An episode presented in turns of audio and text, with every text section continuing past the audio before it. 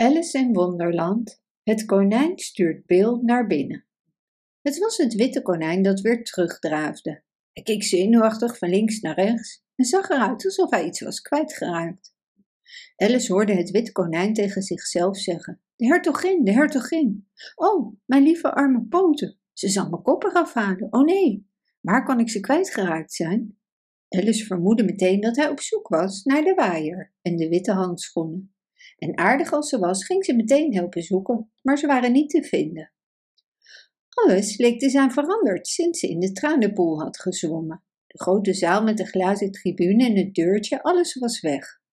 Al snel zag het konijn Alice en riep naar haar: Waarom, Anne? Waarom ben je hier? Ren meteen naar huis en haal een paar handschoenen en een waaier voor me. Snel nu!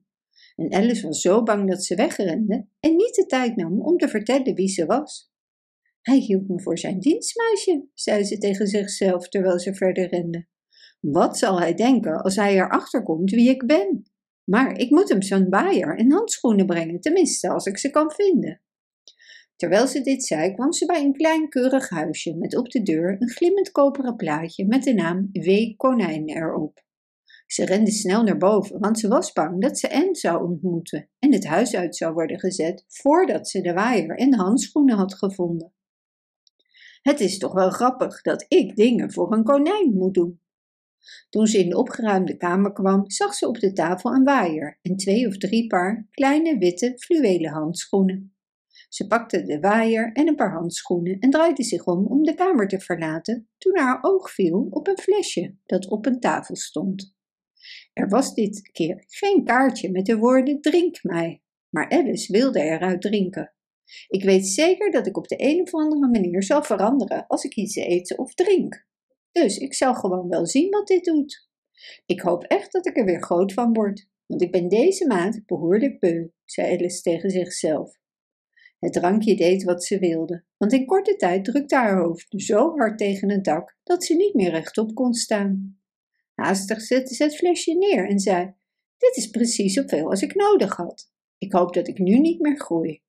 Maar zoals het nu is, kan ik alleen de deur niet uit. Oh jee, oh nee, ik wilde dat ik niet zoveel gedronken had.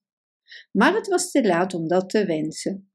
Ze groeide en groeide tot ze op de grond moest knielen, maar toen was er ook geen ruimte meer en moest ze gaan liggen. Ze groeide en groeide en groeide maar door, tot ze een arm uit het raam moest steken en een voet door de schoorsteen. En ze zei tegen zichzelf: Nu kan ik niets meer doen en nergens meer heen, wat er ook gebeurt.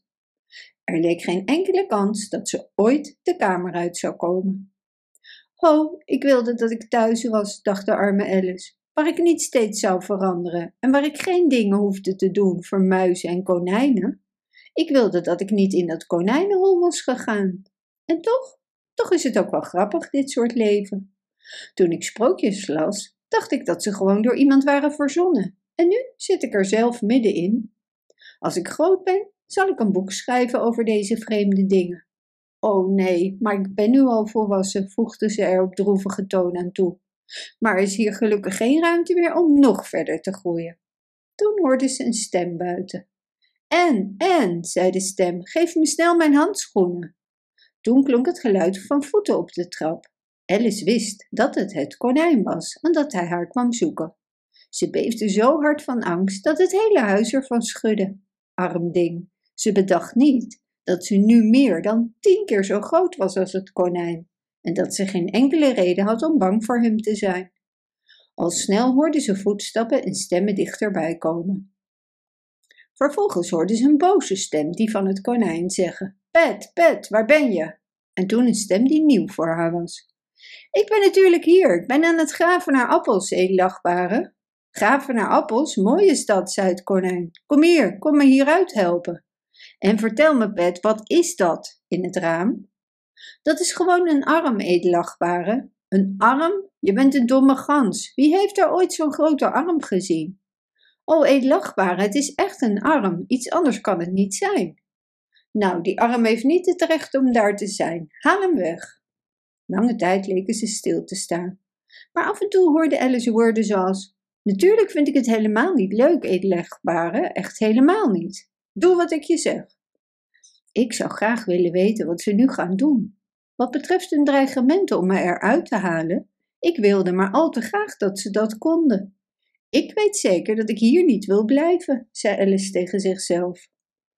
Ze wachtten een tijdje, maar alles was stil. En toen klonk er eindelijk het geluid van kleine wagenwielen en het geluid van stemmen. Waar is de andere ladder? Waarom niet? Ik hoefde er maar één mee te nemen. Bill heeft de andere. Bill, haal hem hier, jongen. Hier, deze plek. Nee, eerst vastbinden. Ze reiken nog niet half zo hoog als ze moeten. Oh ja, zo zullen we het doen. Hier, Bill, pak dit touw vast. Zal het dak het dragen? Let op die losse balk, kijk uit. Er klonk een luide knal. Wie heeft dat gedaan? Het was Bill, denk ik. Wie gaat er door de schoorsteen? Nee, ik doe het niet. Bill moet naar beneden. Hier, Bill, jij moet door de schoorsteen. Oh, dus Bill komt naar beneden, zei Alice tegen zichzelf. Bill schijnt al het werk te moeten doen. Ik zou niet graag met Bill willen ruilen. Deze schoorsteen is heel klein. Maar ik kan er wel een paar beesten voor ze uit wegjagen. Ze trok haar voet zo ver mogelijk naar beneden en wachtte tot ze een klein beest, ze kon het niet raden wat voor soort het was, hoorde krabben. Kras, kras klonk het in de schoorsteen, vrij dicht bij haar. Toen zei ze tegen zichzelf: Dat is vast Bill. En ze gaf een harde trap en wachtte af wat er daarna zou gebeuren. Het eerste wat ze hoorde was: Daar gaat Bill! En toen de stem van het konijn: Vang hem op bij de heg. Toen was alles stil en toen hoorde ze weer stemmen.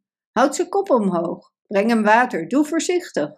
Hoe was het, ouwe kerel? Wat heeft je zo snel doen opstaan? Vertel ons er alles over. Als laatste kwam er een zwakke stem. Dat is vast Beel, dacht Alice. Nou, ik weet het niet precies meer, maar dank je. Ik ben nu niet meer zo zwak. Maar ik ben veel te geschokt om je te vertellen. Alles wat ik weet is dat er iets op me afkwam en dat ik omhoog schoot als een raket.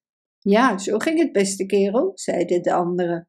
We moeten het huis maar in brand steken, zei de stem van het konijn. En Alice riep zo hard als ze kon: Als je dat doet, stuur ik Dina achter je aan. Opeens was alles stil en Alice dacht: Wat gaan ze nu doen? Als ze een beetje verstandig waren, zouden ze het dak eraf halen. Toen hoorde ze het konijn zeggen: Eén lading is genoeg om mee te beginnen. Een lading van wat? dacht Alice. Maar ze hoefde niet lang te twijfelen want al snel viel er een regenbui van kleine stenen door het raam en sommige raakten haar in het gezicht.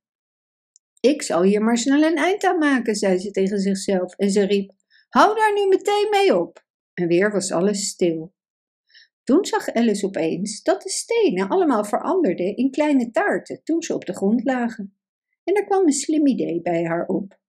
Als ik één van deze taarten eet, zei ze, zal dat zeker mijn lengte veranderen. En aangezien het me niet nog groter kan maken, hoop ik dat het me zal veranderen in de lengte die ik vroeger had.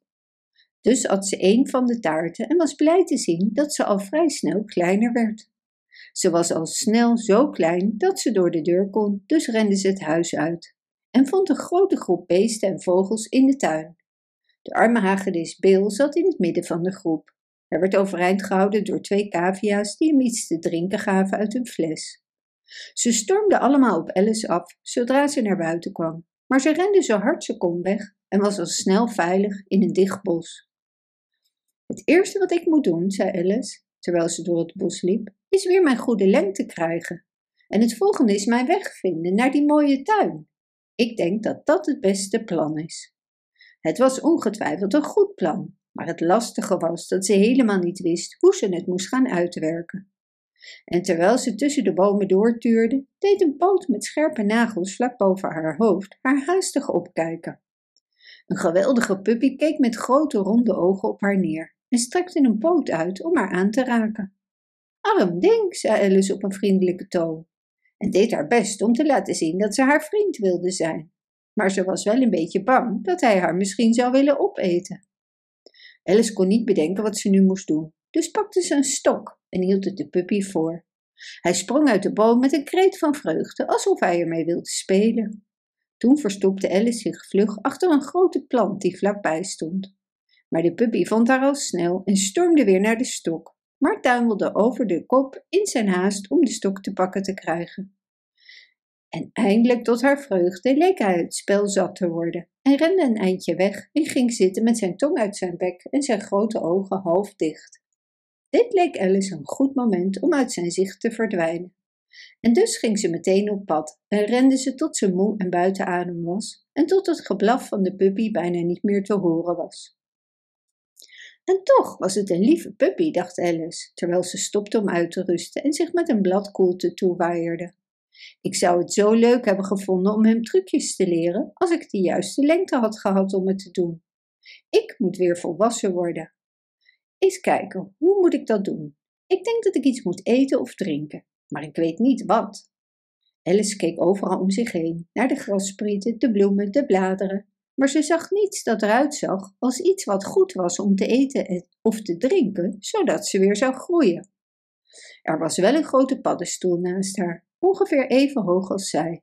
En toen ze er helemaal omheen was gelopen, dacht ze dat ze net zo goed kon kijken wat er bovenop zat. Ze rekte zich uit zo ver als ze kon, en haar ogen ontmoetten de ogen van een grote blauwe rups die op de top zat met zijn armen over elkaar. Hij rookte een pijp met een hele lange steel, die er als een hoepel om hem heen gebogen was. Bedankt voor het luisteren.